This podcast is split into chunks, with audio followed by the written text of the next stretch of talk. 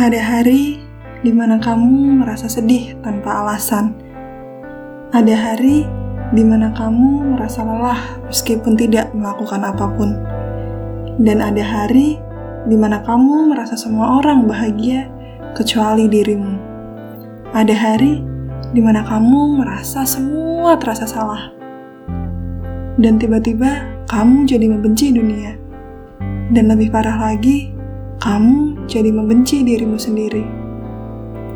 Apakah kamu pernah mengalami masa-masa itu? Atau bahkan sering? Tidak apa-apa, aku juga sama. Karena adalah perasaan wajar jika kita merasa lelah dengan segala hal.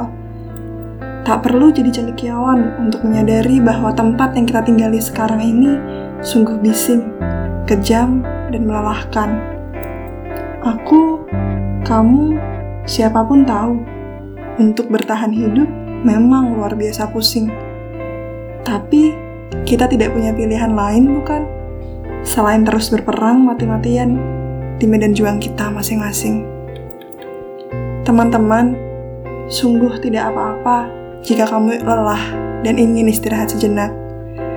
Istirahatlah, asal jangan pernah berhenti dan menyerah. Karena jika kamu menyerah atas dirimu, kamu akan hilang tertelan kebengisan. Terdengar menyesakan memang, tapi itulah realita.